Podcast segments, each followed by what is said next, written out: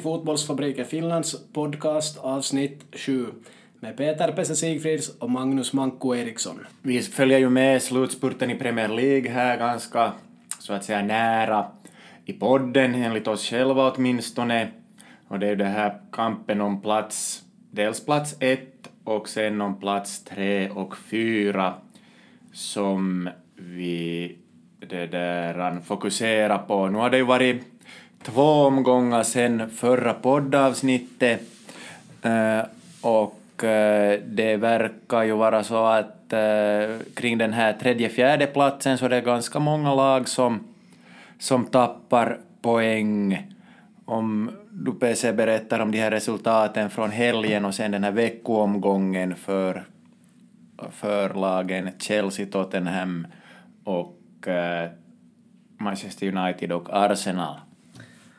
Ja, det här har Tottenham förlorat. Jag börjar med 1-0 mot Man City där på lördag. Viktigt mål för Man City, viktigt att de vann så att de leder ligan förstås där. Och Tottenham var knappast så nöjda med att förlora eftersom de ändå gick vidare i Champions League mot Man City. Uh, hur som helst, det var enda lördagsmatchen med topplag och på söndag hade vi då Man United förlorat 4-0 mot Everton. Såg du den matchen? Jag så hade ett öga på den och, och det såg nog väldigt, väldigt det där kraftlöst ut och det har dykt upp videon här i efterhand just på, på det här hemjogget hos vissa spelare och halvhjärtad press och så vidare att, att eh, och Solskär, man börjar höra på honom också att han lägger över lite det här ansvaret på spelarna hur är det själv? Har han själv utvecklat spelet? Ja, e, det, det är sådana frågor som man får, får grotta ner sig i, men, men den matchen var nog ett riktigt bottennapp och, och det har betts om ursäkt åt höger och vänster och, och Solskjaer såg jag också äh, reste båda händerna i, och bad om ursäkt åt fansen direkt när han lämnade Goodison Park. Ja, no det som jag ser är ju att han har försökt få någon sorts press där uppe och ibland funkar den och sortas men äh, spelarna jobbar allt för dåligt i hans lag så ja, han kommer, måste rensa ut många och skaffa nya i sommar så det är egentligen då först som vi får veta vad Solskär går för så småningom där mot hösten. Tycker jag. vi kan ju samtidigt ta Uniteds andra match, den var ju igår kväll mot Man City förlust 2-0. Såg du någonting av den? Ja, jag såg, såg nog åtminstone första halvlek och också delar av andra. Och jag tycker att det var nu ganska så här förväntad matchbild som man skulle kunna tänka sig att det, att, att det skulle se ut en sån här match med, med de här förutsättningarna. Ja, no, det var 0-0 i halv, halvtid så nu var ju Man United med på, på något vis i första halvlek men men att direkt Man United hade bollen så City pressade jättehårt. Det kom en, två spelare springande fullt och gick lite för snabbt för Man United i princip. Och, och ofta tacklade Man City ner någon så att det blev frispark direkt de hade bollen. Och så det var nog verkligen lite tid med bollen för Man United i första halvlek speciellt.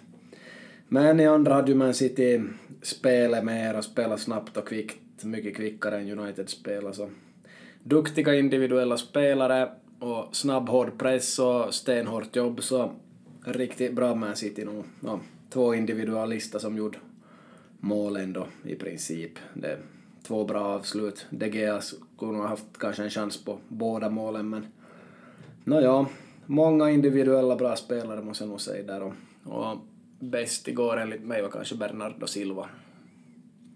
Gjorde ett mål och gjorde en hel del, dribbla bort folk och passa och allt möjligt.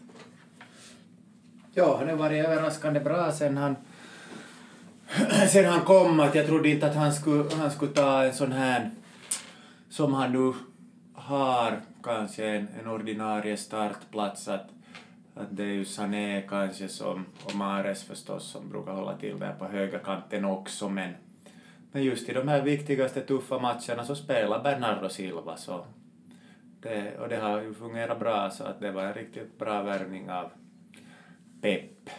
Ja, och Sané gjorde ju mål då han hoppade in sen så det var också bra av honom. De har bredd så det ser nog bra ut för det här Man City-laget.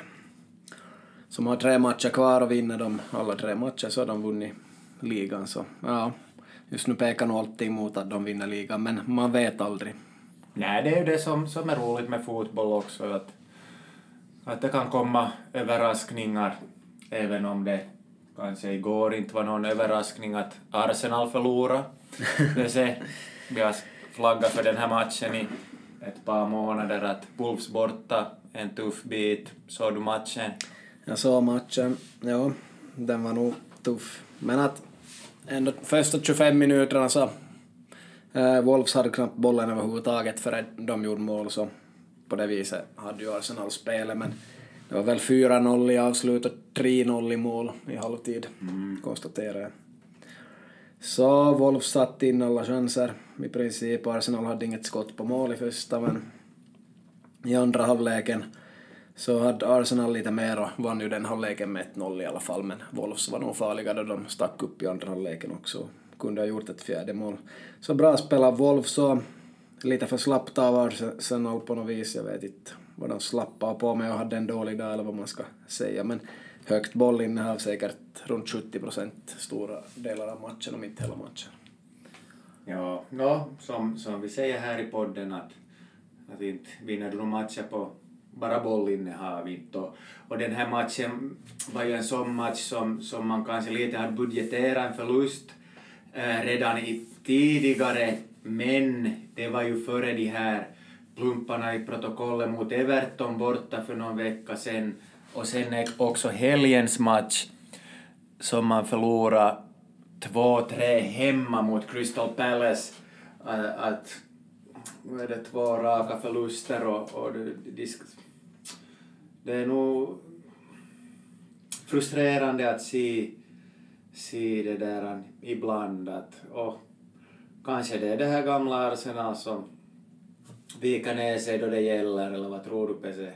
Eller vad har Emery fått mm. utvecklat? No, det var, det var, det var som det var igår men eh, samtidigt slog man ju Napoli 2-0 eller vad blev det andra gången 1-0? Någonting sånt i alla fall förra torsdagen, så man har ju gått långt nu till semifinal i Europa League och spelat bra där, men igår saknar man ganska många av de här ändå som har som kämpaglöd på något vis. Kolasinak, ganska tuff kille. Ramsey, bra attityd. Aubameyang har gjort 19 mål på delad ledning i skyttebörsen, så alla de tre saknar man ju faktiskt. Så det spelar nog en viss roll Lek lite där på mittfältet, skulle börja spela i sin triangel och bollinnehav där och tappa den. Och, ja, det var uselt. uselt. Men samtidigt har United också förlorat två matcher i den här omgången så att säga och så hade vi Chelsea kryssat med Burnley 2-2 så de imponerade inte så hårt heller.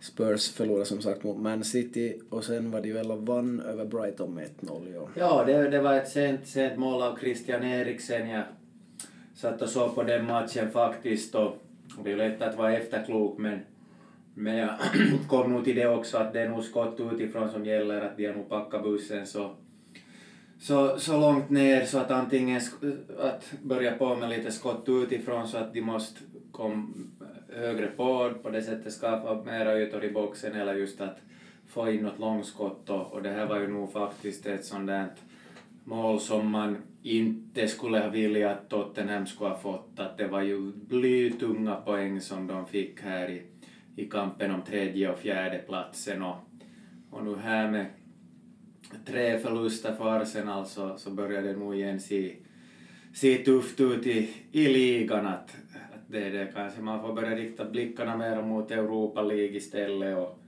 och den vägen ta en så att säga wildcard till Champions League. Ja, tillägger ännu att Liverpool vann 2-0 över Cardiff här och Liverpool går, går bra så att säga, de fungerar och vinner sina matcher men att om Man City vinner tre sista matcherna så spelar det ingen roll för Liverpool. De, de har inte det i egna händer Liverpool utan fast de vinner sina matcher kommer de att hamna andra som det ser ut just nu. Uh, ja, intressant att man får ju en Champions League-plats om man vinner Europa League och nu har vi kvar där Arsenal möter Valencia och Chelsea möter vem det nu är. Spelar ingen roll. Om vi säger som så att Chelsea och Arsenal möts i final och till exempel Chelsea skulle vara topp fyra och Arsenal femte i ligan och Chelsea vinner finalen får de ju en Europa League-plats. Jag undrar, skulle Arsenal då också få, alltså en Champions League-plats, skulle Arsenal då också få en Champions League-plats som femma i Premier League? Nej, jag tror att det är något sånt där att det kan, kan till och med bli så att, att den här fyrans pajka det där åker, åker ut om det är något visst system med det där Europa League-vinsterna. Det kommer nog upp på, på sociala medier nu som då de här olika scenarierna hur, hur det ska, ska fördelas de här Champions League-platserna men jag, jag kan inte säga att jag har riktigt koll på, på det nu. Mm, ja. Jag misstänker nog att topp fyra går från England som vanligt. Och skulle det vara femman som vinner Europa League får det ju nog en plats och då är det fem lag. Det skulle jag säga. Jag skulle säga att det gick till så då Man United tog sig till Champions League. Ungefär. Yes. Vi ska se nu vem det var. Arsenal, Valencia och Frankfurt mot Chelsea är det. Så andra maj spelas de matcherna. Och sen finalen är 29 maj i Europa League. I Champions League har vi då första maj Barcelona, Liverpool och kvällen innan 30 april har vi Tottenham och Ajax. Och finalen spelas första juni. Mellan vilka lag i Champions League tror du? Ja, jag tror... Det är nog så här på förhand sett så det är en väldigt rolig match nu den här Tottenham Ajax. Ja, och Liverpool-Barcelona också för den delen. Ja... Helt 50-50. Ja, ja no, det, det är 50-60 som, som man brukar uttrycka det skulle jag säga och, och just som, som någorlunda neutral åskådare så, så, så ser jag nog fram emot precis vilken konstellation som helst i finalen. Att Ja. Det är ändå så fina lag som är, som är kvar. Ja, men om du väljer två då? Ja, då säger jag eh, Tottenham-Barcelona. Mm. Jag plockar bort engelska laget så jag säger Ajax Barcelona. Vi får se där. Och i Europa League säger jag att det blir Arsenal mot Chelsea. Håller du med om Europa League tror du? Uh, ja, det tror jag också. Ja, precis. Och där vinner ju Arsenal och finalen vinner ju Barcelona, eller? Uh, ja, det skulle jag säga. I Premier League har man alltså spelat 35 omgångar nu och alla lag har tre matcher kvar. Så helt spännande där. Vi har Tottenham på 70 poäng, Chelsea på 67, Arsenal på 66 och United på 64. Så allt kan hända. Formen är inte speciellt bra för de här lagen tycker jag, men Tottenhams form är tillräckligt bra för att nog komma kanske Ja. tredje. De Ja. kommer väl nog tredje. Ja. Sen vem som helst ska komma fjärde tycker jag, och Chelsea, Arsenal och United. Ja. Så är det nog med tre matcher kvar. Chelsea möter ju Man United nu här i nästa omgång. Så det avgör en hel del. Vi har fått in en, en lyssnarfråga eh, och uh, lyssnarfrågan den här veckan lyder Vem är nummer ett mellan stolparna i världen och varför? Ja, tidigare skulle det ha varit enkelt att säga De Gea, som vi kallar honom, och det kan man ju inte säga nu för han har gjort en hel del misstag på sistone. Eh, sen tänker jag på Neuer, men han är väl inte så hemskt bra i år. Har blivit sämre. Han var ju skadad stora delar av förra året och, och de, de har ju... Nå, inte jag, jag har inte sett så matcher tillräckligt för att kunna uttala mig om det, men att magkänslan säger ju det åtminstone. Ja, rapporter från andra säger också att Neuer är inte riktigt bäst i världen kanske. Vad tror du om de här målvakterna i Man City i Barcelona? Ja, jag, det är väl kanske, kanske just, just där någonstans det ligger nog en topp fem kan vi kanske utkristallisera med, med Ederson i Man City, Allison i Liverpool, Ter Stegen i Barcelona och Oblak i Atletico Madrid och sen ja, ska du ha in De Gea där då på en topp fem No, ja. över hela säsongen? Då han är i form så Ja. han är väl femte. Ja, ja, så att... Ja. Men av de här, de här då... Uh, ja, de är ju nog bra med, med fötterna, Ederson och Alisson och, och Ter Stegen. Uh, kanske lite bättre än Oblak och De Gea. Att det är ju, det är ju förstås att vad man föredrar och vad, vad behovet är. Och eh, de här lagen, ja, det är så, det är ganska jämnt och, och, och det där beroende på att om man ska se på dagsform eller statistik eller, eller vad man ska se på men, men jag gillar nog inte inte han det där stegen så jättemycket så jag ja, Ja, här kan man kanske ta i beaktande att Barcelona och Man City ser ut att vinna serierna också. Då jag spelar Fifa 19 så är det där stegen jag nästan skulle säga att det är jobbigast att möta, men det är ju inte verkligt.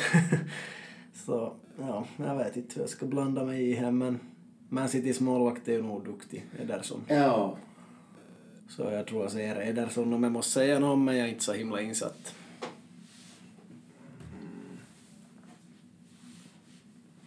håller, håller nog med där. Vi säger Ederson och sen sätter vi Oblak inom parentes från Atletico Madrid. Mm. Där Steigen tredje högst. ja, ja, fast Alisson ju spel... Ja. Nej, det är, det är en knivig och rolig, rolig diskussion det här om, om världens bästa målvakt. Men en topp fem fick vi åtminstone någorlunda att utkristallisera sig.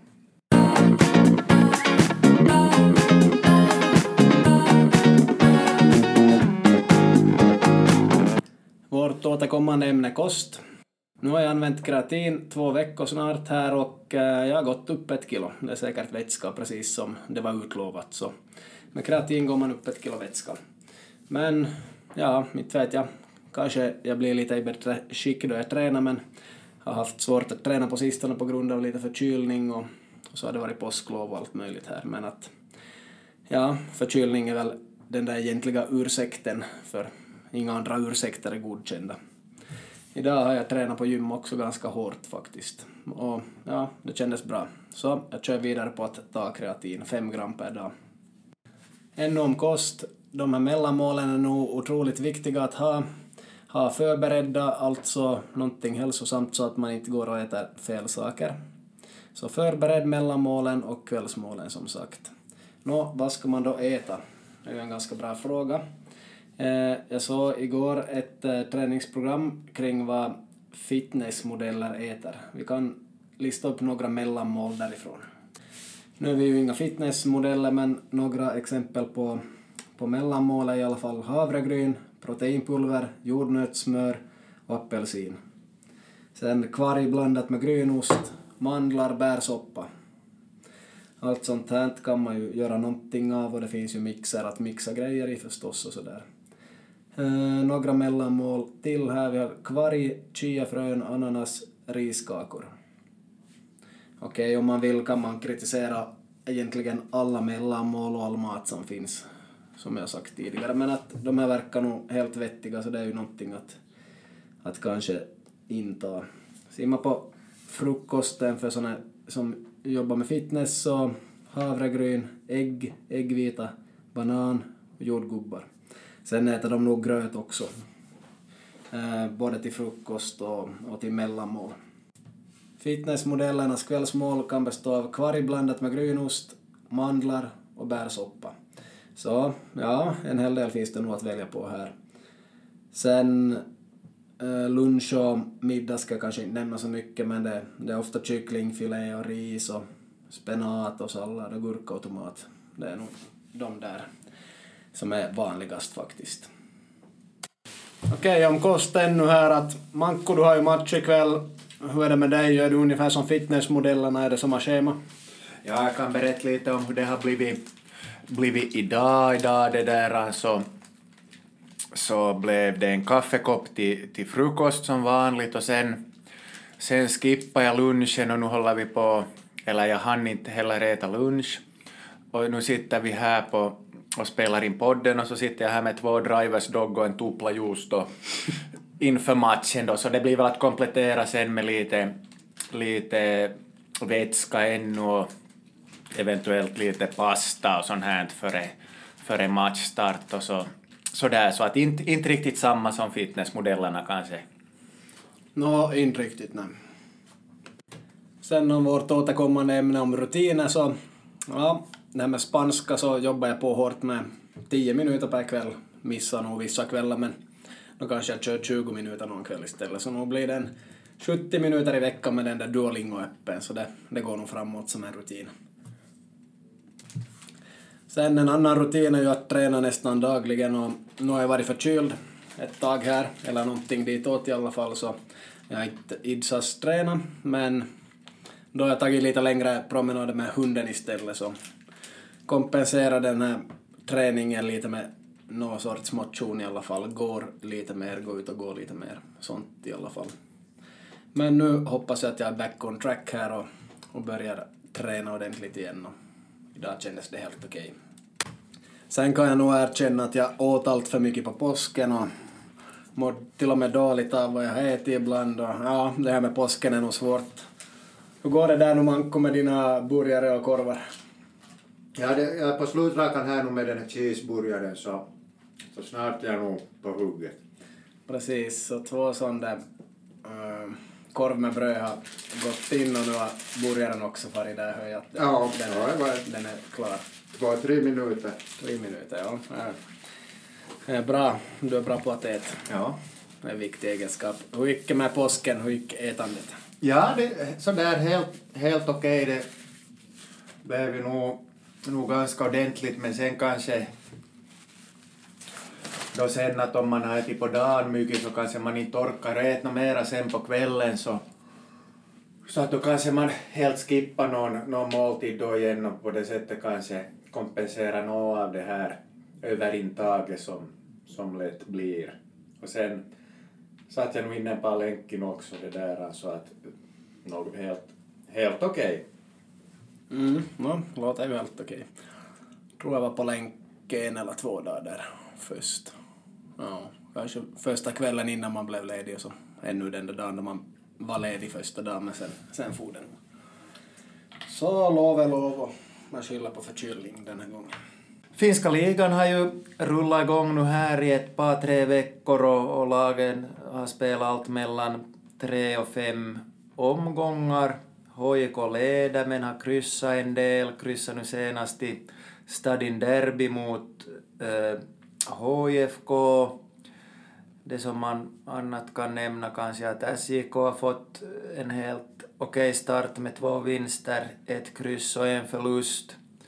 Och Mariehamn har lyckats skrapa ihop sex poäng så att det ser, ser ungefär ut som, som förväntat att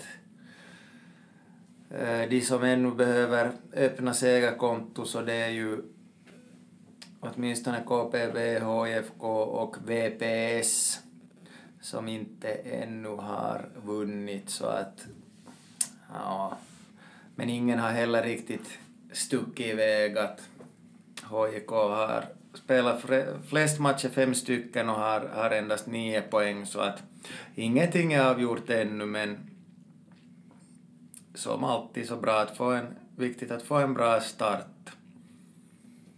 Ja, det verkar som att VPS har spelat bra men inte kanske i 90 minuter för de har tappat. De ledde väl 2-0 över KPV till. Ja, de gjorde och sen, sen, sen kom KPV ikapp och väldigt viktigt för KPV att, att öppna både målkonto och poängkonto i, i ligan för första gången sen, om det nu är 1990. Ja, no, hur som helst så ligan har kommit igång och efter några omgångar, kanske där vid 8-9 omgångar blir det mer intressant att se hur läget är. Och det, dessutom har ju laget spelat så olika många matcher just nu, vilket är ett litet problem i Finland ibland att tabellen haltar. Yes. No, men vi återkommer till finska ligan sen då det har spelats lite fler matcher där. Ja, vi hade tänkt prata lite om damfotboll bara så allmänt här. Och äh, ligan har kommit igång där tror jag också. Den är lite dålig marknadsförd, det är nog mest via någon Instagram-konto man kan se att någon skriver att äh, våra match visas på TV eller på webben eller något sådär. Så lite dålig marknadsföring är det ju nog. Man ser sällan att när är de här matcherna och sen spelar sig ingen i vår hemstad för den delen heller i finska damligan och sådär men ja, har du koll? Nej, jag ska... Man har ju lite det där som man har följt, följt med då för, för de där när de här, om det heter FC United, eller vad hette det här damlaget i Jakobstad som, som Ja. var dominera mer eller mindre här för en, för en 12-15 år sedan så kunde man ju lite spela det sådär och, och, och men att precis. Det som du talar om att den här marknadsföringsbiten och, och det är ju nog pengarna som, som styr att, att eh, och det kommer ju upp till diskussion med jämna mellanrum det här också hur jäm, ojämlikt det är med, med damfotbollen att det är nog som, någonting som, som man får, får jobba med att att uh, få det mera jämlikt men att, att det är ganska många, många parametrar som, som är inblandade så att det är nog inte någon lätt sak att, att höja, höja det här statusen på, på, på damfotbollen och, och den finska damfotbollen. Att det är ju sådana många på, på liganivå som, som jobbar heltid eller deltid med något annat jobb att så är det ju inte direkt i i herrligan om vi nu jämför med den att, och det är klart det att, att det blir tufft då att först, först jobba och sen träna och sen hinna återhämta sig och kanske vara med någon familj och ha några övriga intressen där att det är nog, det är väldigt knepigt. Ja, no, det är en evighetsdiskussion, men det som man måste komma ihåg i Sverige då de jämför damfotboll och herrfotboll är att herrfotbollen ligger långt före massor med andra grenar också. Ligger långt före herrhandbollen, herrinnebandyn och massa andra grenar som, som förstås kan vara lite avundsjuka, tycker att det är ojämlikt och sådär, men just damfotbollen drar många åskådare uppmärksamhet till sig, så då är ju herrfotbollen en sån grej. Och att bara jämföra damfotbollen med den kan vara lite orättvist på något vis också mot andra grenar, också mot herrgrenar som herrhandboll och herrinnebandy som sagt och sånt. Så det, det är lite mer komplicerat än att bara jämföra fotboll mot fotboll ibland tycker jag. Någon kommentar på det? Ja, nej, det håller jag nog med om. Ett mycket intressant perspektiv att, att den här allsvenskan i, i Sverige så är ju en mycket bra produkt. Det, det mång, väldigt mycket mera publik än på finska ligan och stämningen är bra och, och, och man marknadsförs bra och mycket i media och sånt här så att att jämföra där så blir det nog extra knepigt. Sen är det väl så i Finland att nästan ingen damspelare är på heltid. Det krävs nog jobb eller studier på sidan om. De gör annat än spela som proffs. Så mycket pengar finns det inte helt enkelt. Ser man på damishockeyn så i ligan betalar de ju kanske mellan 200 och 2000 euro vissa spelare för att få vara med i damligan ens i ishockey. Så det, det är lite såna här olika grejer som man så, såklart kan fundera på hit och dit. Och, och bra om det är jämlikt på sätt, men vad som är rättvist och inte är en lång diskussion. Sen är det ju intressant att till exempel Lotta Schelin som spelar i Lyon, så hon hade väl ändå 10 000 euro i månaden tror jag. Jag tror också att Marta, då hon spelade i Sverige, hade hon 100 000 kronor i månadslön, så det är ju runt 10 000 euro också. Så okej, okay, det är ju en bra lön, det är mer än en läkare har och sådär. Men att okej, okay, Marta var bäst i världen, Lotta Schelin var en av de bästa i världen, så ja, att jämföra det med herrarnas löner inom fotboll, så det, det går ju inte förstås, för 10 000 är ju ingenting för dem det.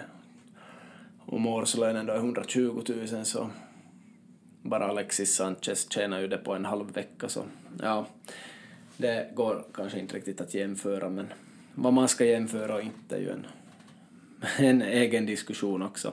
Det som i alla fall är häftigt är ju att Man City och Chelsea och vissa klubbar funderar nu på att få upp lönen åt damerna lite där och den här superligan tror jag den heter i England så där är de väl nog proffs på heltid.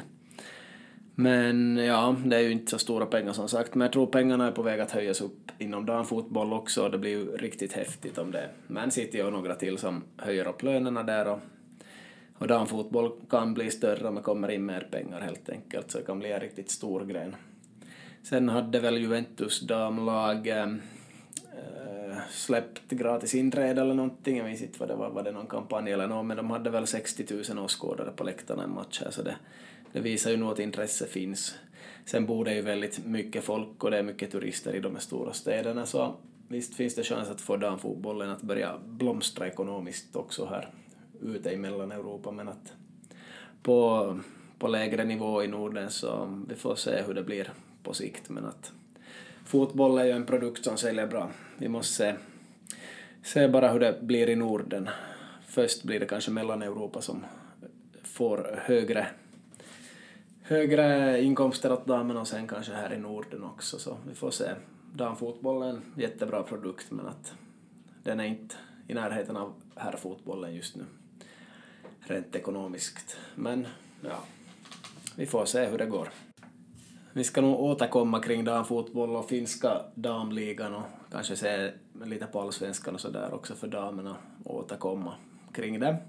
Vi är inte så insatta bara så här för vi följer inte med den här liga, de här ligorna konstant utan det, det krävs lite research och att de kommer igång ordentligt och man kan läsa lite om de här sakerna. Jag vill nog ännu tillägga att damfotboll är väldigt häftigt. Det är en bra produkt enligt mig. Sen finns det ju ett så stort utbud på vad man vill se i dagens läge. Det är förstås massa herrfotboll och det är andra grenar och det är, det är allt möjligt på internet och via TV och hit och dit. Så det, allting har stor konkurrens idag. Så svårt att få publik i Finland i alla fall och kanske i Sverige också. Just av sådana här orsaker. I nästa avsnitt ska vi svara på de frågor som Olof Lund brukar ha i sin intervju i början, då han intervjuar folk, så får ni lära känna mig och Manko lite bättre. Så vi ska förbereda de där frågorna till nästa gång och svara på dem tillsammans.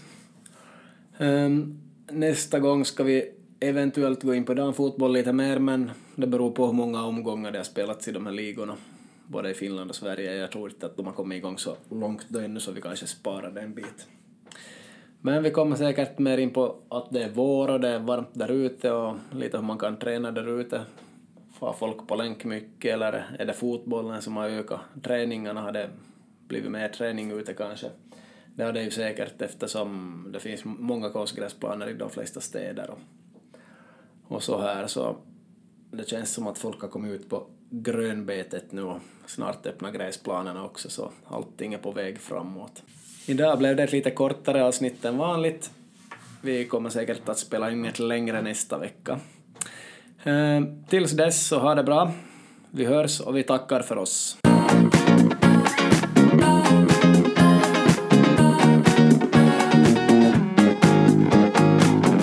Dagens avsnitt presenterades av restaurangerna Seglis och Gustav Vasa.